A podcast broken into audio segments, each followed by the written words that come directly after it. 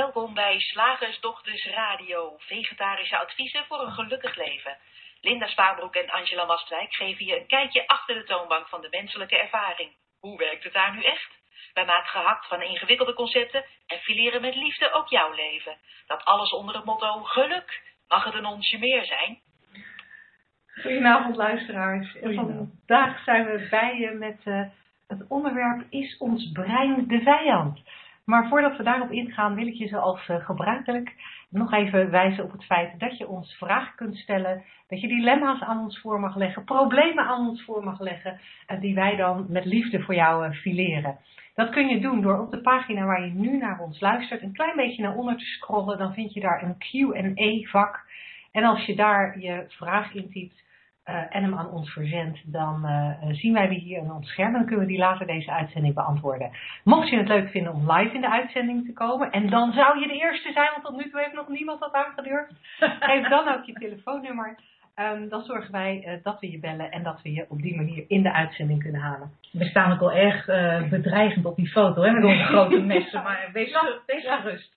We hebben ook hele kleine mesjes, ja. waar we heel voorzichtig mee fileren. Hey Angela, uh, uh, is, het, is, ons brein uh, de vijand? Um, we hebben dat onderwerp gekozen. Naar mijn idee, en ik hoor graag van jou of dat, of dat ook jouw ideeën daarover waren. Is ons brein de vijand omdat er toch vaak in persoonlijk ontwikkelingsland iets heerst van, um, ja eigenlijk een beetje tweezijdig. Aan de ene kant, als je niet de juiste gedachten hebt, word je ziek. We maken onszelf ziek, we maken onszelf gestrest, maar met name we maken onszelf ziek. En sommige mensen gaan zelfs zo ver dat ze zeggen, ja, weet je, als je kanker hebt, ja, dat komt omdat je verkeerd gedachten hebt. En, uh, um, nou ja, en, en, en andere ergere, ergere aandoeningen. En het andere stuk is dat je in persoonlijk ontwikkelingsland ook heel veel ziet dat je als het ware de strijd aan zou moeten met je, met je brein met die gedachten die je, die je steeds hebt en dat je die gedachten moet omvormen tot betere gedachten, tot mooiere gedachten. Um, um, stromingen die aangeven dat bepaald type gedachten wel goed zijn en andere type gedachten niet goed zijn. Waardoor mensen, um, als ze dat volgen en als ze daar naar luisteren, heel erg in een situatie terechtkomen dat, dat je een soort innerlijke strijd krijgt waarbij je inderdaad je eigen hoofd bijna als de vijand gaat zien. De vijand die het leven slecht maakt. De vijand die zorgt dat je ziek wordt. De vijand die bestreden moet worden. En daar hebben wij dan methoden voor. Ja, en dat is een beetje jammer. Het is vaak inderdaad, uh, wat ik, wat ik uh, zie, is dat er gezien wordt dat, dat het iets met je denken te maken heeft. Wat, wat je allemaal voelt en, en, en angstaanvallen of, of, uh, of andere uh, problemen waar mensen mee te maken krijgen. Oh, het heeft iets met mijn denken te maken. Dus dan is inderdaad dat denken wordt de vijand gemaakt. En waar jij het over had in het, uh, het ook. ik hoorde van iemand die had een bepaald soort therapie en dan moest ze een heel dagboek bijhouden van op welk moment ze wat dacht en wat erbij gevoeld werd. En ik kan me voorstellen dat je dan denkt, deze gedachte moet ik gewoon niet hebben, dan ben ik van alles af, dan is het rustig in mijn hoofd en dan is mijn leven oké. Okay. Ja. Toch zien wij dat iets anders. Ja, en wij zien ook, wij zien ook dat het niet zo goed werkt. Hè? Bijvoorbeeld ook dingen zoals uh, mindfulness, waar, waarbij het dan een gedachte is dat je, de gedachte, uh, waarbij het idee is dat je de dingen die je doet met volle aandacht doet. Dus als je ze niet met volle aandacht doet, is het niet goed, dan moet je veranderen. Ja. En waar wij ook, tenminste dat is wat we in onze voorbespreking uh, benoemden, dat we, dat we zien dat mensen heel graag mindfulness willen doen. Ja. Maar op heel veel momenten niet mindful kunnen zijn. En dan kan je in de val trappen van, oh, ik ben niet mindful, moet mindful zijn, moet Ja. mindful zijn, moet mindful zijn. En ik ben de enige die dit niet kan. Al die andere mensen kunnen wel aan mindfulness doen. Wat uiteindelijk dus alleen maar voor meer gedachten zorgt en meer ervoor zorgt dat je denkt dat je niet goed bent zoals, het, zoals je bent. En dat er echt iets moet uh, gedaan worden aan al die gedachten. Terwijl ik denk, als je eenmaal ziet hoe het werkt, dat gedachten komen en gaan, waarom zou je ze dan willen bestrijden? Dat is net zoiets als een Fata Morgana in je hoofd zien en dan denken dat je die moet gaan Ja. verbouwen. Ja. Nou ja, dat gaat denk ik dat het misschien goed is om, uh, om toch nog eens terug te gaan naar onze aller, aller, allereerste uitzending. maar eigenlijk ook naar ons e-book uh, Drie Stappen naar Geluk, waarin we, dat, uh, waarin we die basis van waaruit wij spreken uh, hebben uitgelegd. Ik denk, ik, voor, mij, voor mijn gevoel is het goed om daar nog eens bij stil te staan. Hoe dat nou echt zit met dat hoofd van ons. Hoe dat nou echt zit met hoe wij nou psychologisch in elkaar zitten. Zal ik een voorschotje doen? Ja, ja, doe jij ja, ik kop hem wel in als het moet. Nou, wat wij, uh,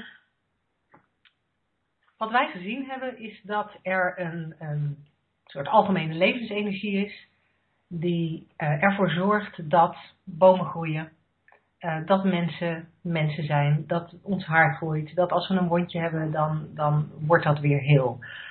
Um, waardoor een, levensenergie, waardoor de wind waait en, en de wolken komen en ook weer gaan. Een levensenergie die totaal ontastbaar is. En, en ja, als je, als je kijkt naar eh, de, de godsdiensten in eh, de wereld, dan zie je dat die eigenlijk allemaal naar een levensenergie wijzen. En in de ene godsdienst noemen ze het God, in de andere godsdienst noemen ze het Allah. Uh, als atheïst noem ik het graag mind, want ik geloof niet in God. Denk ik althans. en um, in ieder geval niet in het godsbeeld zoals, uh, zoals dat geschapen wordt in, in de religies. Maar als je afpelt wat er in religies aan menselijke vorm aangegeven is, dan, wijst, dan wijzen al die godsdiensten en ook het boeddhisme en, en, en, en de meer esoterische uh, levensovertuigingen, die wijzen eigenlijk allemaal naar het feit dat er een levensenergie is. En hoe we die nou noemen, en, en of we die nou kunnen aanwijzen, dat is eigenlijk niet zo belangrijk. Ik denk dat we allemaal kunnen constateren dat die er is. Nou, die levensenergie is er. En, en daarbinnen um, leven wij. Ja. En wij hebben bij onze geboorte of als mensen hebben wij uh, de, de, de gift of, uh, of de vloek gekregen van gedachten.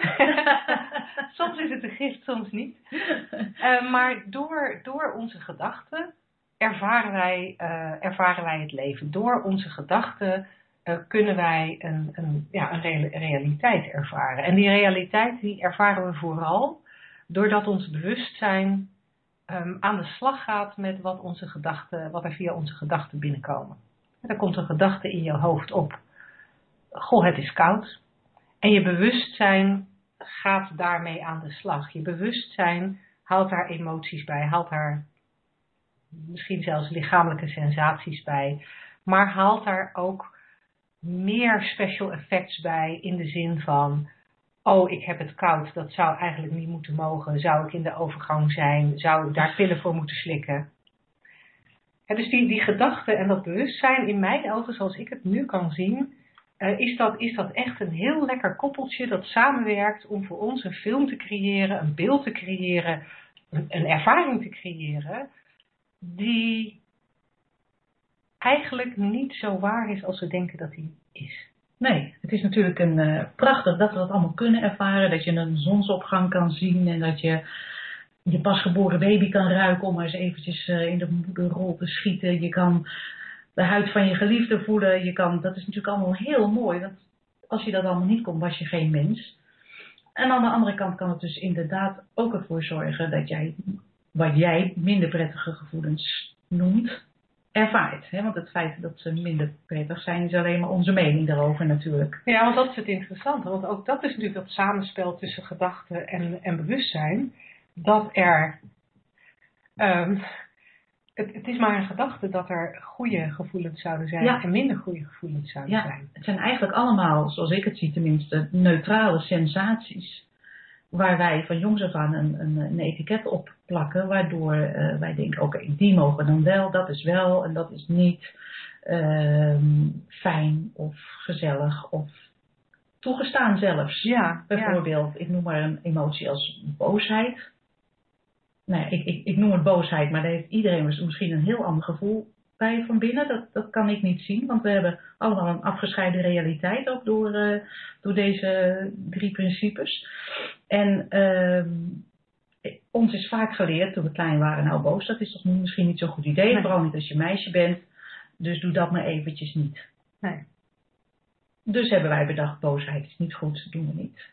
Dus boze gedachten wil ik liever niet. En dan komen we eigenlijk weer terug bij het onderwerp van vandaag. Boze gedachten zouden dus in jouw hoofd de vijand kunnen zijn. Ja, en het interessante is dat het enige wat we doen, is eigenlijk een label plakken op het ene type gedachte wat we goed vinden en het andere type gedachte wat we niet goed vinden.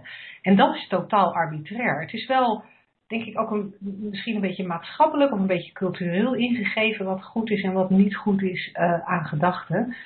Maar de essentie is dat het slechts een gedachte is en dat die gedachte van zichzelf neutraal is. De enige reden waarom er iets ontstaat wat goed of fout zou zijn, is omdat ons bewustzijn daar een film bij maakt die, die er het label goed of fout op plakt. Of dat wij nieuwe gedachten krijgen die er het label goed of fout op plakken.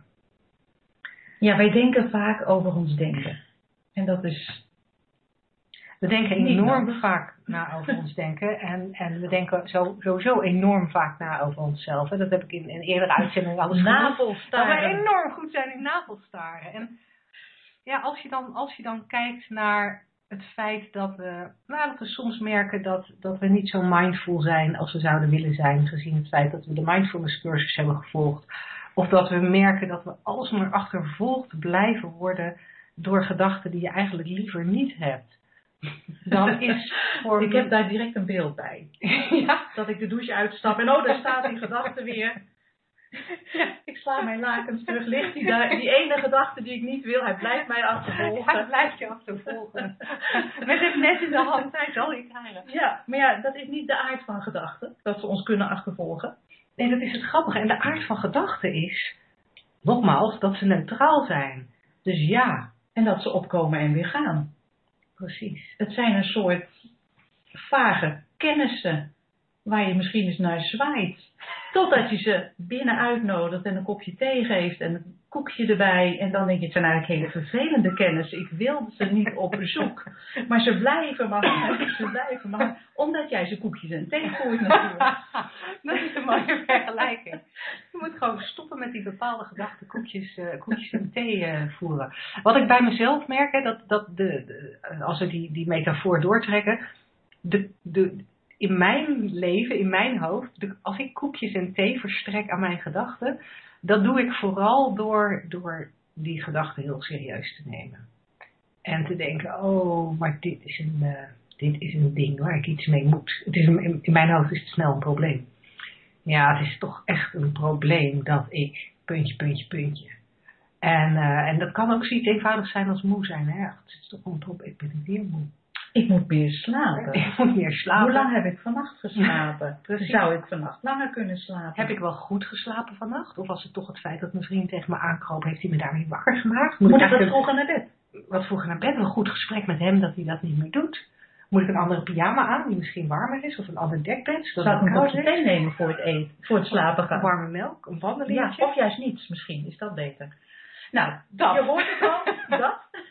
Dat is het serieus nemen van je gedachten. Dat is het je gedachten een kopje thee en met een koekje erbij geven. En, en hoe meer van die koekjes je jezelf voert, of je eigen brein voert, hoe, ja, hoe gewilliger die gedachten zijn om, om te blijven en om terug te komen. Het interessante is dat als je stopt met koffie, thee en koekjes serveren, de gedachten er soms nog wel zijn, maar dan zijn ze heel snel weg. Dan bellen ze af en toe nog eens aan, maar je doet niet open. En als je wel een keertje open doet, dan doe je de deur eigenlijk vrij snel weer dicht en gaan ze weer. Geen koekjes en thee. Geen koekjes en thee. En dat is eigenlijk uh, bevrijdend. Om dat bevrijdend, maar te noemen. Om, om het te zien voor wat het is. En ja. gewoon neutrale energie. Komt op, gaat weer weg. Hé, hey, daar heb je die gedachte weer.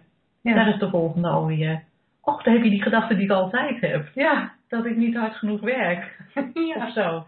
Ja. Dat is ook leuk. Ja. Die blijft maar aanbellen. Ja, of dat ik niet genoeg rust neem. Terwijl ik natuurlijk al zo slecht geslapen heb. zo, we kunnen onszelf zo goed bezighouden. Ja, maar het komt ook omdat dat bewustzijn het zo tot leven brengt. Die film lijkt zo interessant dat we erin duiken. Het is als een soort televisieprogramma waar je denkt, wat gebeurt daar nou? Ja. En als je dan toch blijft kijken, ook al vind je goede tijden, slechte tijden niks. Je denkt, wat zegt zij nou? Ja. Wat, en hoe reageert hij? Moet je haar zien kijken. het is een soort alsof het een interessante soap is, waar, waar je ongewild naar blijft kijken. Maar ja, die, die goede tijden, slechte tijden is de vijand niet. Het feit dat jij eh, aan de beeldbuis gekluisterd zou blijven, maakt misschien dat je wat minder mindful bent. Maar Ja, ja. En, en als dat gebeurt, hè, als je dan een tijdje minder mindful bent, omdat je even zeer geobsedeerd bent door een bepaald type gedachte, is dat verder ook niet erg. Want dat is het mooie van die gedachten. Het is niks. Het is niks. Daar hebben jullie het volgens mij vorige week uitgebreid over gehad. hey, dan hadden wij nog wel eh, de, eh, ehm, de vraag openstaan of, eh, of je jezelf ziek kunt denken. Ja, dat vind ik een hele interessante. Vorige week heb ik het natuurlijk ook even uitgebreid gehad over het placebo en het nocebo effect. En de conclusie daaruit lijkt te zijn en dat dat mogelijk is. Aan de andere kant, ik weet het eigenlijk niet. Dat ga ik gewoon zeggen, ik weet het niet.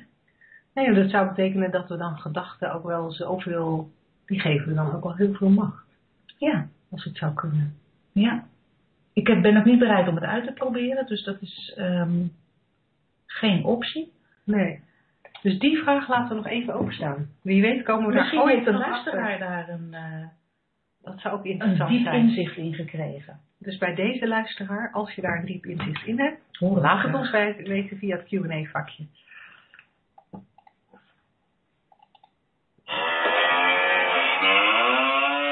Slagersdochters, wat zit er in de leverworst?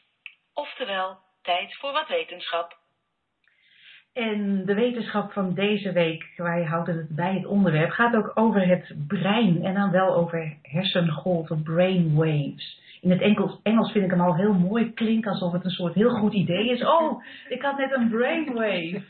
Iets heel bijzonders, een, een ingeving, een, eh, een speciaal idee.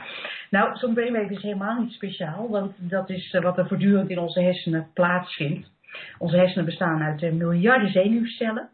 En die communiceren allemaal met elkaar door middel van een soort elektriciteit. Als je het ook in beeld brengt, dan lijkt het een soort onweer in je hoofd. Vind ik ook een mooie vergelijking. Als er heel veel Mhm. communicatie plaatsvindt, een enorme onweersbui in je hoofd. Kun je beter even schuilen misschien. En op verschillende momenten zijn er dus steeds verschillende combinaties van miljoenen neuronen, zo heet die hersencellen, die tegelijkertijd actief zijn. En elke combinatie van, eh, van die miljoenen neuronen zijn gelinkt aan een bepaalde staat van je bewustzijn. Een bepaald soort gedachte of, of eh, in welke gemoedstoestand je verkeert. Oké. Dus als je met je goede been uit bed stapt, je bent eh Dan is een bepaald deel van die fruitig. neuronen, een bepaald setje neuronen is dan aan het werk. Ja, heb je er echt de pest in, 's ochtends of 's avonds, op welk tijdstip dan ook. Dan is er dus een ander gedeelte van die, van die eh, neuronen wat aan het, aan het bliksemen is. En eh, dus zo'n elektrische activiteit in het brein, als een aantal van die cellen zo gelijkmatig eh, aan het eh, bliksemen zijn, dat, dat noemen wij golven.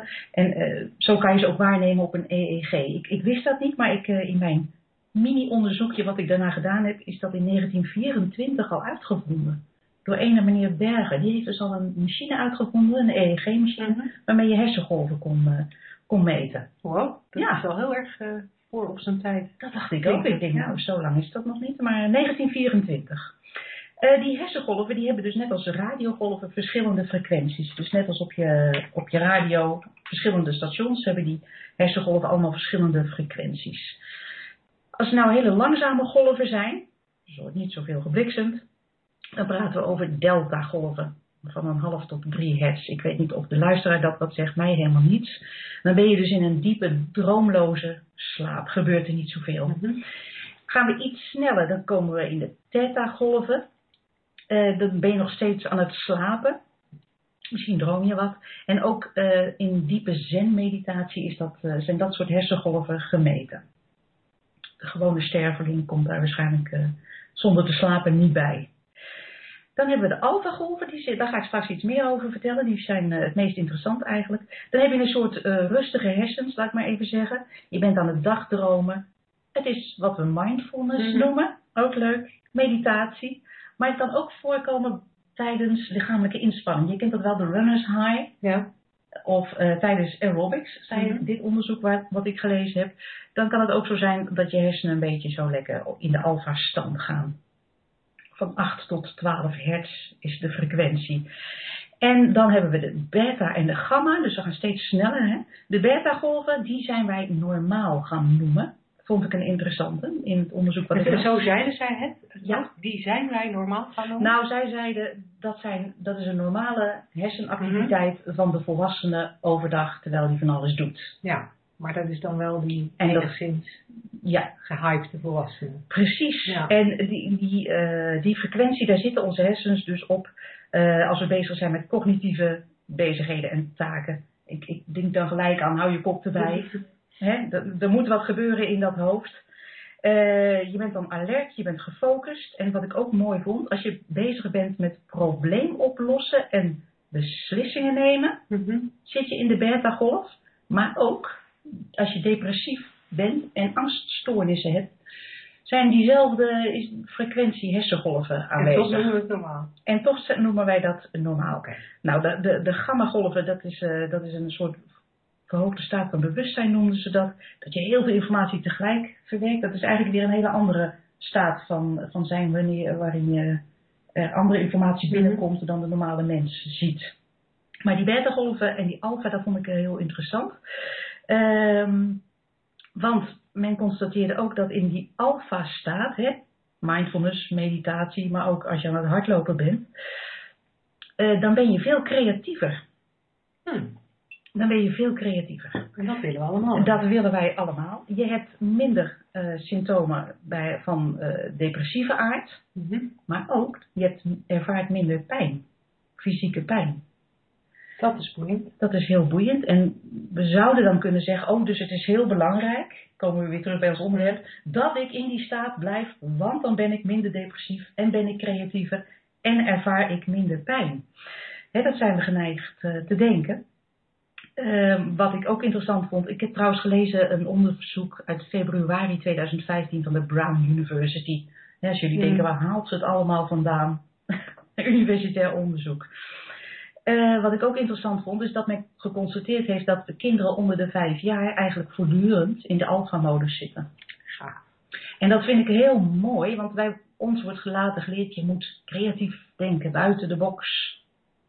Dat doet zo'n kind van onder de vijf automatisch, want zijn hersengolven zijn namelijk zodanig dat ze Ja, en wat, automatisch en wat creatief zijn. ik boeiend vind, en ik, misschien dat ik nu een beetje te snel erin schiet en wilde je nog meer vertellen.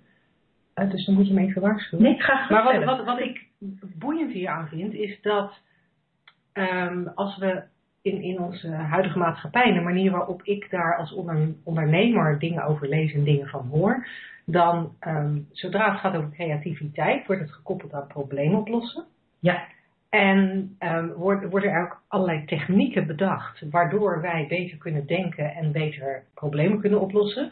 Die dan, als ik jou goed begrijp, eigenlijk allemaal juist die beta-staat aanspreken of oproepen. Terwijl dit onderzoek duidelijk zegt dat die kinderen tot hun vijfde zoveel, die, zo, die super creatief zijn. En dat, dat, dat die in de alfa-staat zitten. Dus ja. daar zit een hele wonderlijke tegenstelling in. Nou, dat was exact de conclusie die ik had getrokken. Ik dacht, hé, hey, we zijn heel erg bezig met problemen oplossen en daar moet je creatief in zijn. Maar in die beta-staat ben je dat helemaal niet. Dus je hoeft geen problemen op te lossen. Het feit dat je weet dat je beta-staat, dat je alfa-staat eigenlijk eh, de neutrale staat in waarin je bij voorkeur verkeert, als ik het zo mag zeggen. Daar ben je al creatief genoeg in om die problemen op te lossen. Daarvoor hoef je dus niet na te denken, want dan ben je er niet toe in staat. Dit is zo, ik vind dit zo'n boeiende, boeiende onderschrijving van wat, wat de drie principles leraren Ja. al jaren zeggen. Ja, ja. Ja, en nog een klein onderdeeltje van het onderzoek was dat zij constateerden dat- dat onze denkgewoonten, onze gedachtenpatronen, de complete architectuur van de verbindingen in ons brein kan veranderen. En ook onze neurochemie, daar hebben we het al eerder over gehad. Ja. Dus je, je vaste denkpatronen, je, de, de, de, die je dus standaard hebt. Oh, ik ben niet goed genoeg. Laten we die maar er even bij pakken, want die heeft iedereen, is heel herkenbaar. Als dat een, een, een gedachtepatroon is wat heel vaak terugkomt, dan kan dat echt de architectuur van je hersenen veranderen. En dat vond ik ook heel eh, interessant. Nou werd in dit onderzoek geconcludeerd dat wij dus onze hersenen zodanig, hersengolven zodanig moeten synchroniseren dat wij zoveel mogelijk in die alpha-staat zijn. En er werd ook inderdaad aangeraden om dus veel aan mindfulness te doen. En er werd ook gezegd, we kunnen het ook gewoon ehm, elektronisch simuleren. Er is ook een apparaatje voor. We zetten wat elektroden op je hoofd. Dus we gooien er een stroomstootje doorheen en dan ben je vanzelf in de alpha-staat. Oh. Nou, nou, zo kan het natuurlijk ook. Ja, ja, dan, Ja. dan moet ik zeggen, dan moet ik toch zeggen dat de drie principles ehm, stroming een iets mensvriendelijker Ja. manier heeft om dat te bereiken. Want eh, daar, daar ehm, George Prensky eh, heeft een eh, ontzettend leuk mp3'tje dat ehm, Busy Mind heet. En, ehm, en dat, die mp3 die gaat heel specifiek over hoe wij eigenlijk in een verhoogde versnelling denken. En hoe veel van ons, niet iedereen, maar veel van ons, eigenlijk de hele tijd een busy mind hebben. Als je het hier naartoe zou vertalen, Ja, zou je zeggen, De beta. eigenlijk de hele tijd in de beta, in de beta staat zitten, maar misschien zelfs nog wel ook, ook nog wel in de, in de hogere regionen van de, van de beta. Want die was van, eh, Gamma. of, eh, ja, nee, maar gamma was hier wat anders, ja, maar deze was van 12 tot 30 hertz. Dus dat we misschien vaak tegen die 30 hertz aan zitten. En George Prensky geeft heel duidelijk aan, en, en, hij neemt in zijn eh, mp3'tje Busy Mind, en ik raad je zeker aan om, eh, om aan te schaffen eh, op prenskyanassociates.com. Kost geloof ik iets van 12 dollar, dus dat is niks. Daar, heeft hij, daar, daar neemt hij meer tijd om dat, om dat uit te leggen. Ik had iets van 40, 50 minuten de tijd neemt om het uit te leggen. En, en hij laat heel duidelijk zien hoe we eigenlijk allemaal vaak in die hogere regionen zitten. Maar hoe inzicht in het feit dat je een busy mind hebt, alleen al het inzicht in het feit dat je een busy mind hebt, en dat dat niet erg is, maar dat het ook niet nodig is. En dat je juist in die lagere regionen, die, hier wordt dan gesproken over hertz, hij heeft een andere metafoor.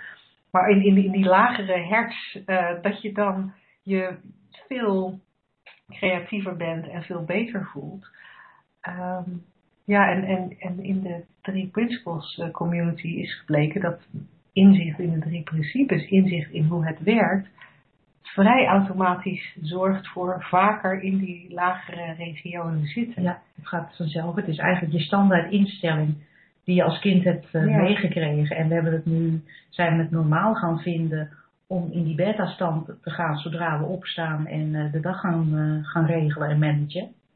Maar het hoeft dus niet. Nee, en dat vind ik echt super boeiend. Super boeiend, want dat is, ik merk zelf wel, ik weet niet hoe dat, hoe dat voor jou is, ik, ik merk zelf wel dat inderdaad die gewenning aan die hogere versnelling, of die hogere hertz zoals ze het hier noemen, maar de hogere versnelling zoals George Prensky het noemt, dat is wel waar ik aan gewend ben. En daar val ik ook als ik, als ik me minder goed voel. Hè. Vorige week was een, met mijn vader in het ziekenhuis en liep dan niet zo lekker. Nou ja, dan, dan raak ik zelf ook wel in, in een gedachtenstorm. Eh, en en eh, ik werd ook moeier. Ik ging erg veel nadenken over het feit dat ik zo moe was. maar, dan, maar dan merk ik gewoon dat dat, dat dat hoofd naar die hogere versnelling gaat. En, en grappig genoeg gebeurt er dan eigenlijk niet zo heel veel zinvols en interessants. Weet je, dan, dan ben ik eigenlijk echt bezig gewoon door de dag te komen en, en, en door mijn werk te komen. Terwijl nu ik weer wat rustiger ben, en ik heb natuurlijk niet gemeten hoor, dus ik wil niet eh, eh, pretenderen dat ik nu in de alfa-staat zit. Eh, maar ik heb wel duidelijk het gevoel dat ik op een lagere frequentie aan het denken ben. Dan, dan merk ik zelf ook dat dan oplossingen bedenken makkelijker is en, en Ja. dat creativiteit meer boven komt. Dus, je, dus zelfs zonder meetapparatuur kan je het bij jezelf al herkennen. Ja, ja, dat denk ik wel inderdaad. Zie je allerlei problemen of is het heel makkelijk om te zien, oh, dan doe ik gewoon even dat of dat. Zo simpel is het. Ja, Maar dat is wel een groot verschil in je leven. Of je denkt dat er van alles opgelost moet worden, of dat je gewoon opstaat en handelt en, en dat het zich ontvouwt in plaats van dat je het allemaal moet regelen en moet plannen en moet bedenken. ja, ja. Ja, ik merk dat dat een, een groot verschil is. Ja, Gaaf. Ja, mooi leuk. onderwerp. Dankjewel. alsjeblieft. Zeg, slagersdochters, hoe pak ik die vegaburger? Over naar de luisteraarsvraag. Eh, vandaag hebben we een vraag van uh, Marjan binnengekregen. En zij zegt: Hallo Linda, welkom thuis. Dankjewel Marjan. En Angela, waar ik op het moment mee worstel is het volgende. Zoals jullie al eens formuleerden, je hoeft je niet te gedragen naar je label. En ook, je bent heel. Ook in een letterlijk beschadigd lichaam. Voor mij is het soms wel lastig om het onderscheid te maken tussen mijn lijf kan dit niet aan en ik denk dat ik dit niet aan kan, maar, dat is, eigenlijk, maar is dat eigenlijk niet gewoon een gedachte? Oftewel, hoe vind je je weg in de balans tussen het omgaan met fysieke beperkingen en gedachten daarover, ook en vooral wanneer die fysieke klachten niet direct heel zichtbaar of objectiveerbaar zijn voor de buitenwereld? Mag ik daar iets schieten? Ja, nee, natuurlijk. Ja. Ik ben, ik ben namelijk ervaringsdeskundige op dit gebied. um, maar dat is echt waar. En um, kijk, ik ben geen arts en ik pretendeer ook niet op de stoel van een arts te willen gaan zitten. En ik pretendeer ook niet dat ik door mijn eigen persoonlijke ervaring weet hoe het voor iedereen zit. Ik kan wel vertellen wat ik in dit kader zelf ervaren heb. En dat is dat ik, nou om een voorbeeld te geven, uh, ik heb in 2012 een uh, zware buikoperatie uh, ondergaan. En dat was een duidelijk aanwijsbare fysiek fysiek probleem. En het was ook duidelijk dat ik daar uh, zes tot acht weken van uh, zou moeten herstellen. Maar de verwachting was wel dat ik na acht weken hersteld zou zijn. Dat was absoluut niet het geval. Ik ben acht tot negen maanden bezig geweest.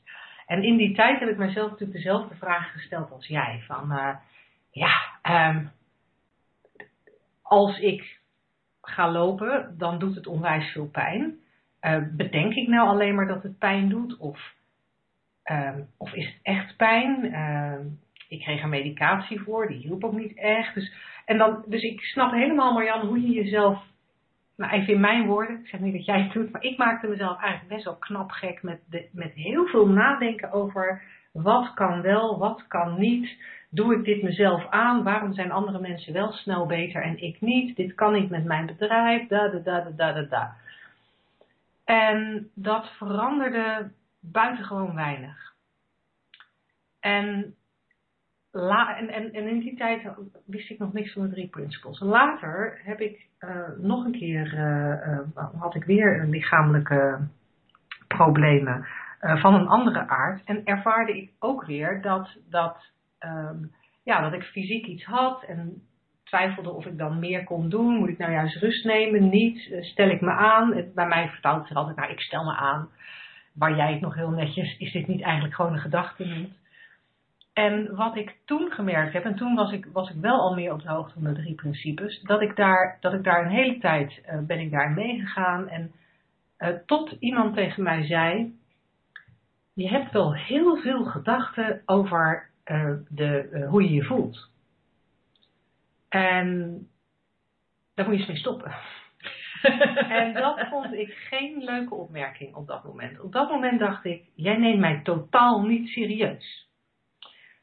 Maar later zakte op de een of andere manier één in. Het was niet eens, het was niet eens bewust gedacht. Het was niet eens dat ik daar bewust eens even mee bezig was geweest. Want ik had het eigenlijk een beetje opzij gezet.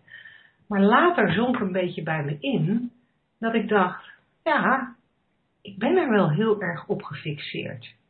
En in eerste instantie vond ik dat heel logisch. Ja, natuurlijk ben ik erop gefixeerd, want ik heb pijn, ik heb beperkingen, ik heb een bedrijf, dus ik kan die beperkingen niet gebruiken. Da, da, da, da, hier is kort, daar te lang. En, maar ik ben wel een beetje in die, die richting op blijven kijken. Dus het is niet dat ik van het een op het andere moment dacht, oh ja, het zijn allemaal gedachten, helemaal niet. Maar ik dacht wel van, ik was wel nieuwsgierig naar de vraag, zou het kunnen zijn dat ik er te veel over nadenk? we hebben het daar er straks ook over gehad in het kader van is, is ons brein de vijand. Denk ik er inderdaad te veel over na? En wij gaven er straks even een klein toneelstukje over hoe je zou kunnen nadenken, wat je allemaal zou kunnen denken als je moe bent. Um, Zo'nzelfde toneelstukje zouden we ook kunnen doen over als je, uh, als je pijn ervaart en als je een weg probeert te vinden uh, in het omgaan met die pijn. En ik hoop Marjan dat je beseft dat ik totaal weet waar je vandaan komt. Dus dat ik op geen enkele manier uh, probeer je pijn uh, te bagatelliseren. Um, ik heb zelf gemerkt dat, dat het vele denken erover een verschil maakte. Want toen ik er nieuwsgieriger naar werd of dat inderdaad zo was voor mij, is er. Het is niet alsof er, het is niet dat er een kwartje is gevallen of, of zoiets dergelijks. Maar alleen al voor mezelf opgooien. Hmm, zou het waar zijn dat ik er zo vaak over nadenk? En de volgende stap nemen die voor mij was. Laat ik er nou eens een tijdje niet over nadenken. Dus ochtends opstaan en niet als allereerste mijn lijf checken om te voelen hoe het er vandaag bij stond. Um, die gedachte kan natuurlijk wel me op. maar dan gewoon niet serieus nemen. Oh, daar ga ik weer. Ja, nee, ik, ik, ik besteed weer aandacht aan de pijn. Ik besteed weer aandacht aan uh, mijn fysieke gesteldheid. En dan gewoon gaan doen wat ik op dat moment kon. Hè. Wel, wel toch een beetje geleid door de pijn. Want ja, ik bedoel, als die pijn er is, ga je niet in deze marathon lopen. Maar door, door nou, Angela zit nu te lachen, want dat is ook flauw. en, en dat, ik, dat, ik, dat ik door die gedachten eigenlijk opzij te zetten. En niet met kracht en macht en boos op mezelf van, oh, ik denk weer aan, aan pijn. Maar gewoon door te denken, oh, daar heb je hem weer. Nee, eigenlijk zoals we daar straks zeiden, oh, daar is hij weer. Ik geef hem geen koekjes, ik geef hem geen koffie. Nee hoor, ik doe gewoon de deur dicht en ik, ik, ik kijk de andere kant op en ik ga verder met mijn leven. Dat dat voor mij heel veel verschil heeft gemaakt. Ja, ik ken het alleen um, uit tweedehands uh, ervaring. Ik zelf, ja, ik heb dan een uh, fysiek eigenlijk, ja, ik kan me niet herinneren, echt grote problemen gehad, geloof ik. Misschien heb ik ze wel gehad, maar heb ik ze totaal geblokt uit mijn herinnering. Ik weet het niet. Maar ik weet wel dat ik een keer een gesprek had met een, uh, een vrouw die herstellende was van een, uh, van een ernstige ziekte en, uh, en daarmee gepaardgaande operatie. En zij had drie kleine kinderen van onder de zes, zes, vier en twee moet je je voorstellen. En dat huishouden moest toch doordraaien. Ja. Het is niet zo dat je dan ze hadden wel een tijdje alles uit haar handen laten vallen toen het moest, maar op een gegeven moment ga je dan toch langzaam weer uh, meedraaien. En zij bleef moe. En ik zag uh, op haar Twitter verschijnen, ik ben nog steeds moe, is dat normaal? En zij informeerde bij uh, lotgenotengroepjes die dezelfde ziekte hadden gehad. Hebben jullie dat nou ook? Ik ben bestraald en ik ben nog zo moe daarna. En hoe lang duurt dat? En wat is jouw ervaring daarmee? En dus ze twitterde erover, ze schreef erover en ze checkte zichzelf inderdaad. Goh, ben ik nou nog steeds moe? Misschien moet ik eerder naar bed. Nou ja, zo'n soortgelijke compensatie als wij hadden, maar dan in zichzelf. En uh, ik was bij haar en haar kleine dochtertje van twee was op een gegeven moment moe gespeeld. En die zag ik op de bank gaan zitten en omvallen en ze sliep. En na een half uurtje werd ze wakker en ze ging weer vrolijk, fris en fruitig verder. En ik wees deze mevrouw erop, kijk eens naar je kind. En ik snap dat je in de volwassen wereld, als je op je werk zit en je voelt je overmand door vermoeidheid, dat je niet even om die bureau kan gaan liggen. Hoewel, misschien best, ja. een, goed, misschien best een goed idee. Ik snap dat dat niet altijd handig is, maar we kunnen wel, zonder er een verhaal van te maken, zonder te bloggen, te twitteren en te facebooken erover, gaan liggen als we moe zijn Hè, in de tijd dat we anderen zouden erover twitteren, praten, facebooken en Mhm. bloggen. En tegen vechten. En tegen vechten en overdenken. Neem dat half uurtje wat je daaraan besteedt en ga gewoon liggen, denk ik dan. En niet als advies, maar volg je natuur zoals zo'n kind dat doet. Die denkt daar ook niet bij na. Goh, ik voel me nu best een beetje moe. Ik heb ook al een uurtje gespeeld. Misschien is dat net te lang, want ik ben pas twee. Ik zal eens even informeren bij mijn mede-tweejarigen of het normaal is dat je na een uurtje spelen moe wordt. Ik denk dat ik er even een tweet over de wereld in stuur. Ja, ik, ik overdrijf het nu natuurlijk vreselijk, maar je begrijpt dat het... Nee, maar het is wel waar. We hebben, we hebben niet alleen gedachten over het feit dat we pijn hebben en moe zijn. We hebben ook gedachten over het feit dat dat niet mag. Ja, En, en dus, doen we er niks, dus doen we niet waar ons lijf om vraagt. en we denken ook dat er allerlei ingewikkelde oplossingen voor moeten zijn. Ja. Terwijl moeheid misschien gewoon om een uurtje slaap vraagt. Ja, ja het is interessant, want wat, want wat ik dan natuurlijk als, als voormalig pijnleider, wat onmiddellijk in mij opkomt, is van, eh, ja, ja maar, als ik toe ga geven aan de pijn, of als ik toe ga geven aan de vermoeidheid, dan slaap ik alleen nog maar, dan kom ik mijn bed niet meer uit. Zou het zo zijn? Ik weet het niet. Nou ja, dat weet ik ook niet. Want dat heb ik natuurlijk nooit uitgeprobeerd. Ik heb nog nooit een tweejarige gezien die eindeloos in zijn bed bleef liggen Nee. omdat het Nee. te lekker was. Nee, die wil de wereld ontdekken. Ja. Ja, je mag erop vertrouwen dat we dat als volwassenen ook hebben. Dat als dat lijf hersteld is. En ik denk als je niet al te veel aandacht hebt besteed aan al die gedachten eromheen. En als je een beetje ziet of het door de drie principes is of hoe dan ook, hoe het leven werkt.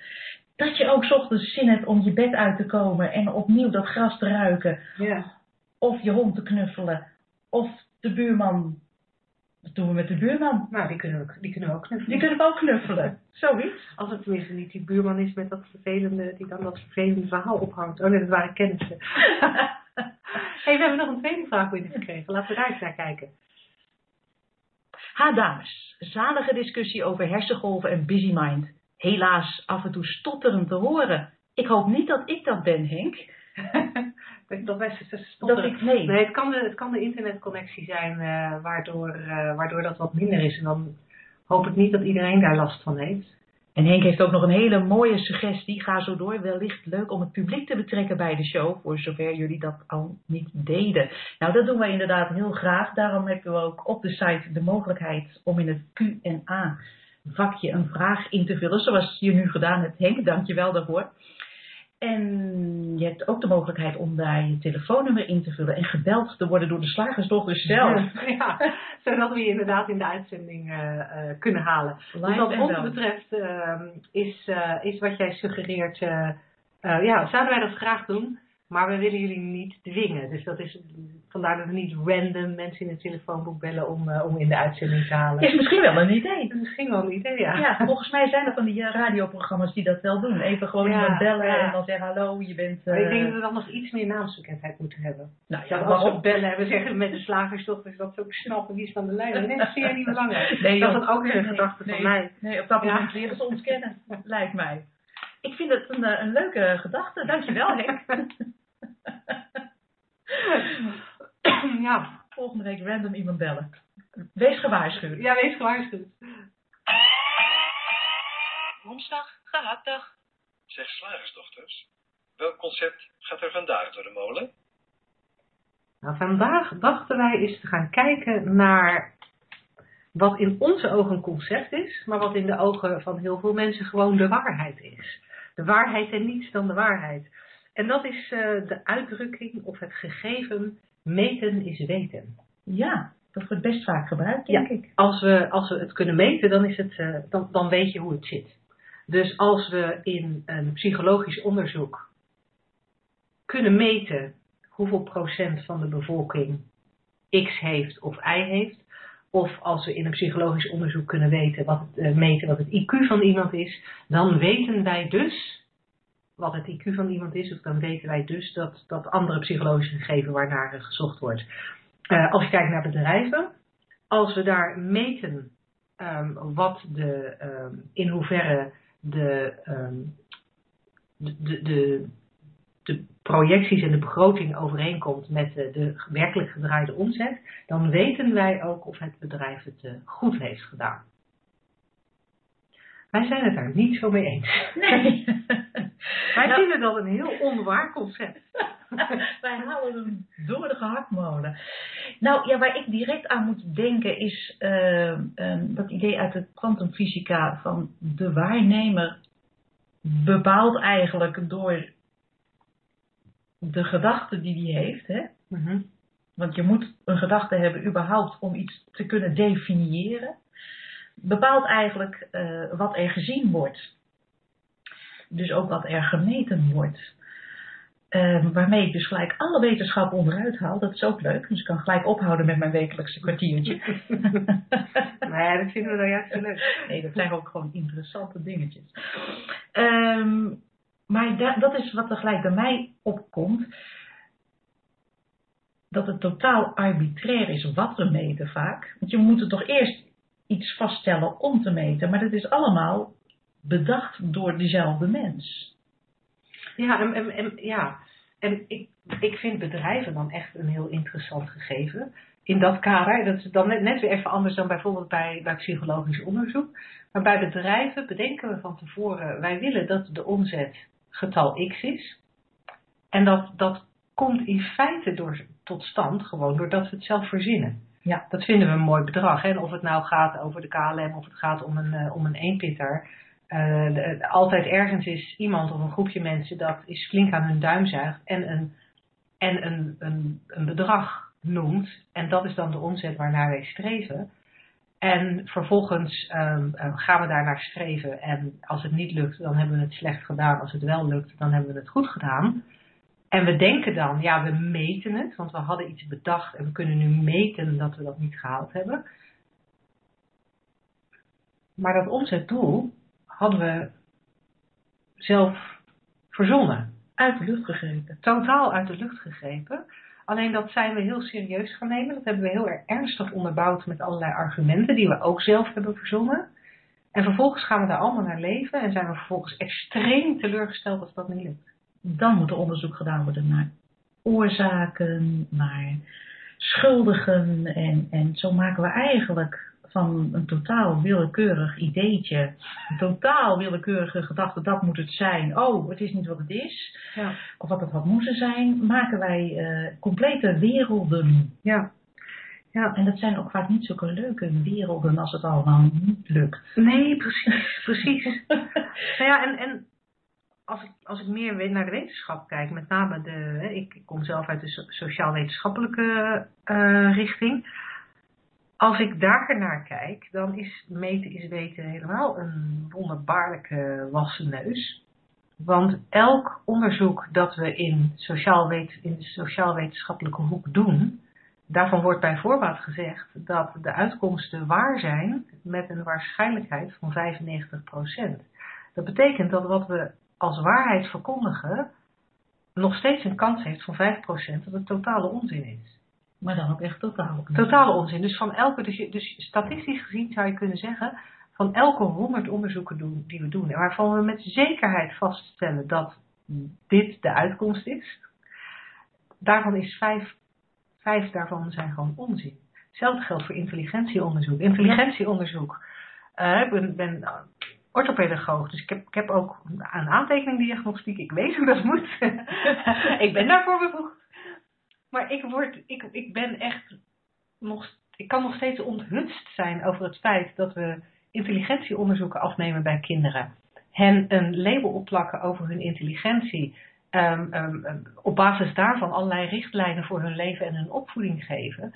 Terwijl vijf van de honderd intelligentieonderzoeken, want ook daar is die 5% marge, vijf van die onderzoeken, daar is de uitslag onzin. En we weten nooit of het ons kind is waar ze het fout bij hebben gedaan, of dat kind van de buren. Maar dat is toch. Ik vind het schokkend. Het wordt natuurlijk altijd wel, het wordt altijd wel genoemd, maar niemand hoort het. Want we denken het is, ge, het is gemeten. Het is gemeten, dus, dus is het waar. Ja. Sowieso alle uh, testen in het onderwijs, ook alle CITO-toetsen, om even een stokpaardje van mijzelf te nemen is, ja, we, we, we, testen iets, we meten iets wat, wat uh, ten eerste al willekeurig uh, bedacht is, uh, welke onderwerpen we testen, wat de juiste antwoorden zouden moeten zijn. En op internet circuleren ook allemaal van die hele grappige, creatieve antwoorden, die ook goed zijn op vragen die op school gesteld worden, maar die dan fout gegeven ja. worden, want dat is niet het gewenste antwoord. Ja. En vanaf de kleuterleeftijd worden we helemaal horendol gesitotoetst om van alles te meten, terwijl zo'n kind en wij trouwens ook nog steeds elk moment nieuwe inzichten kunnen krijgen, nieuwe kennis op kunnen doen, um, compleet van richting kunnen veranderen. Ik herinner mij ook een intelligentieonderzoek van mijn zoon, die niet kon rekenen. -hmm. Dat was echt opmerkelijk. Dus hij werd gelijk op alles getest. Van nou, dit was toch wel erg interessant. Want hij was namelijk extreem goed in taal. En ik kreeg de uitslag van het onderzoek. En hij was dan in taal extreem intelligent. Maar op rekengebied, hij was echt gewoon, nou echt zo zwaar onder de maat. Dat het Ja. eigenlijk niet te meten viel. Had hij ook een performaal verbaal kloof? Ik heb geen Oh, idee. heel. Maar dat zou kunnen. Maar er stond in dat onderzoek, en eh, daar hield ik me op dat moment, vond ik het ook nog best wel zorgelijk. Daar moet ik nu heel erg om lachen, want hij stuurt het mij laatst op, weet je nog man. En, eh, en daar stond in ehm, dat hij dus totaal niet kon rekenen. Maar hij had met veel plezier de opdrachtjes gemaakt en hij leek het totaal niet erg te vinden om fouten te maken. En ik dacht, nou kind, daar ga jij het heel ver mee schoppen. Plezier in het leven en gewoon geen bal interesseren of je het fout doet of niet. Vond ik veel leukere, leukere meting eigenlijk. Maar ook dat, die meting, dat, dat, daar werd dus geconstateerd, goed, hij heeft die afwijking, dyscalculie. Nou, daar werd ook gelijk geconstateerd op de middelbare school op basis van dat rapport, uh, van die momentopname. Hij zal nooit, ik weet niet eens meer wat het vak was, uh, dat, dat vak kunnen gaan doen, want dat kan niemand die uh, dyscalculie heeft. Wiskunde waarschijnlijk. Nee, het was niet wiskunde, het was nog zelfs iets anders. Oh. En ik had even de neiging om die wiskundeleraar te slaan. Ik heb het niet gedaan. Maar um, je ziet dat je dus uh, op basis van zo'n zo'n onderzoekje later schijnbaar beperkt kan worden in, jouw uh, in jouw keuzes. Ja, ja nou sterker nog, het, het, het kan je je hele leven achtervolgen. Ja. He, dat, je, dat, je, dat je, als je zeven of acht bent, getest wordt, daar komt iets uh, uit de test. Ja. Dat is waar, want we hebben het gemeten. En vervolgens word je je hele leven behandeld Um, en, en stuur je op een gegeven moment ook jezelf op basis van dat onderzoek. Want ja, toen is gebleken dat ik zo en zo en zo ben. Ja. Uh, en daar, daar ga je makkelijk naar leven. Ja, dat is ook zo. Ik heb uh, een tijdje bijles gegeven en aan, in, in Engels. En een heleboel kinderen die bij mij kwamen hadden dyscalculie. Dat was dan vastgesteld. Ze hadden wat meer moeite met taal, dachten ze. Dyslexie is het dan. Dyscalculie is het ja, ja. ja, inderdaad. Je hebt gelijk had een dyslexie.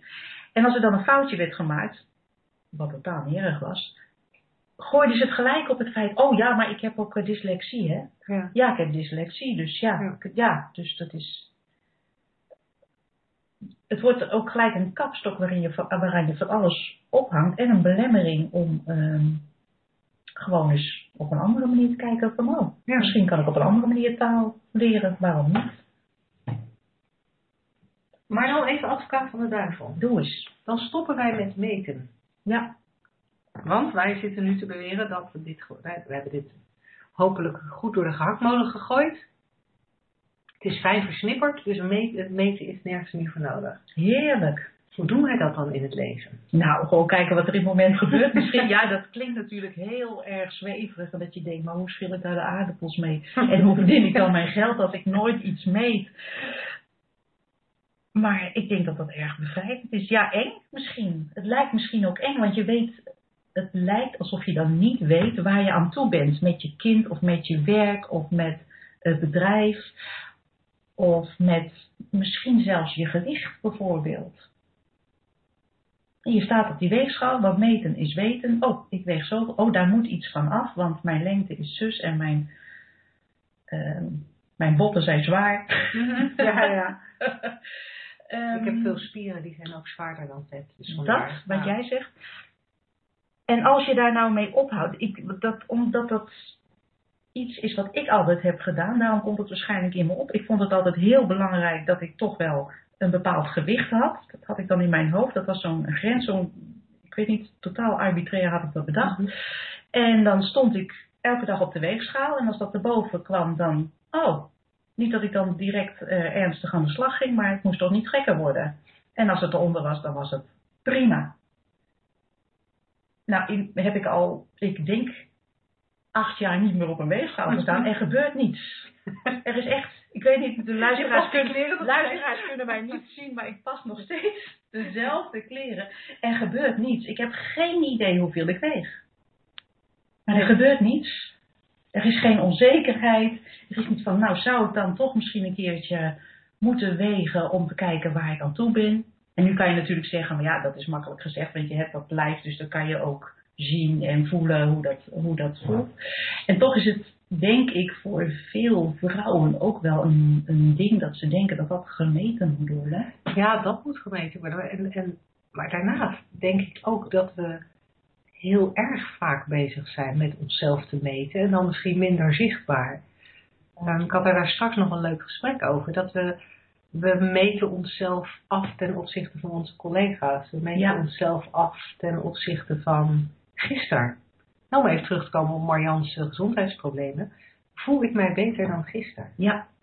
En dan, dan moet dat wel in de juiste schaal zijn. Het moet de goede kant op zijn, want anders is het niet oké. Er is we leggen volgens mij ook vaak een meetlat voor onszelf neer. Het moet, dingen moeten op een bepaald niveau. Of het nou de hoeveelheid pijn is die je hebt, of nou het succes is dat je hebt, de kwaliteit van je relatie, De hoogte van je bankrekening. de hoogte van je bankrekening. We hebben overal een maatstaf voor. En een conclusie die we daaruit trekken. Als het niet aan de verwachtingen voldoet, als het niet, Ja. aan de juiste, als het niet de juiste uitslag heeft. Want En wat mij- wij conclusies uit. Ja, en wat mij opvalt is dat de meeste mensen vooral conclusies trekken de verkeerde kant op. En zelfs als ze de maatstaf halen, om even een beetje in mijn eh, huidige vak te blijven, als ze de omzet halen die ze bedacht hebben, dan moet de omzet hoger. Ja. Want we moeten wel blijven groeien, want dan is groei de nieuwe maatstaf. Ja. ja, of het moet zo blijven, ook heel belangrijk. Ook dat. Ja, ik kan mij herinneren dat ik altijd, toen ik jong was, dacht, nou, nou het gaat best lekker met mij in alle opzichten. En dan zeiden mijn zussen altijd, wacht maar tot. Ja. dan moest je wachten tot het misging. ja, Ja, dus, dus dan denk je, oké, ik heb alles gemeten. Maar in dat opzicht gaat het goed, in dat opzicht gaat het goed. Oh, in dat opzicht gaat het ook goed. Oh jee. ja. Ja, dan moet dat wel zo blijven. En als dat- er maar niks misgaat. Ja, ja, en dat is dan weer moeilijk, want ook daar hebben we dan weer een maatstaf voor. Ja, Kortom, dat meten, jongens, als je, als je er niet, ik bedoel, als je niet al heel veel gedachten had, als je brein niet al de vijand was, dan maak je het daarmee wel je eigen vijand. Door maar na te denken over al die, al die maatstaven. En, Ja. eh, En het is ook zo, het, het wordt ook bijna onvermijdelijk gemaakt. Als ik kijk, eh, als we weer even teruggaan naar het onderwijs, er wordt voortdurend ook eh, cijfers gegeven, al is het niet eens in de vorm van cijfers. Maar dan krijg je weer een sticker als je alles goed hebt. Of op een andere manier wordt er eh, blijk gegeven van dat een, de juiste antwoorden geven toch echt een beter idee is dan de verkeerde antwoorden geven. ja. Dat is jammer. Ik denk dat het een beetje het leerproces beperkt. Maar dat ben ik. Dat is mijn, Dat heel dat jij mijn gedachten. gedachte daarover, ja. Nou, ik, ehm, Dat, dat heb ik zelf niet gemeten overigens, maar... nou, voordat wij echt te ver gaan in ehm, het meten, in het formale van meten is weten, denk ik dat het goed is eh, om de uitzending af te ronden. Maar niet voordat ik eh, nog even onder de aandacht heb gebracht dat ehm, ook iedereen die op dit moment live luistert, maar ook iedereen die naderhand nog deze eh, opname uit onze koelkast heeft gehaald, voel je absoluut zeer uitgenodigd en welkom om ons je vragen of dilemma's voor te leggen. Want ik kan me voorstellen dat ook als je hè, gewend bent eh, niet live te luisteren, maar naderhand, eh, dat er zo dingen in je opkomen. Dat je soms van die mijmeringen hebt waarvan je denkt, hmm, wat zouden Angela en Linda daarover zeggen? Nou, Ja. wij horen dat heel graag van je. Stuur je vraag naar welkom@deslagersdochters.nl oftewel welkom apenstaartje deslagersdochters.nl en dan eh, wie weet behandelen we jouw vraag volgende week. Of onderwerp, kan ook leuk zijn. Een onderwerp is van, ook leuk. Ja. Ja, ik, ik snap dit allemaal wel, ik zie het een beetje, maar dan heb ik dit onderwerp in mijn leven. Hoe dat dan? Ook leuk. Prima. Helemaal welkom. Helemaal goed. We horen je graag en jij hoort ons weer volgende week. Tot dan. Tot dan! The moderator has left the conference.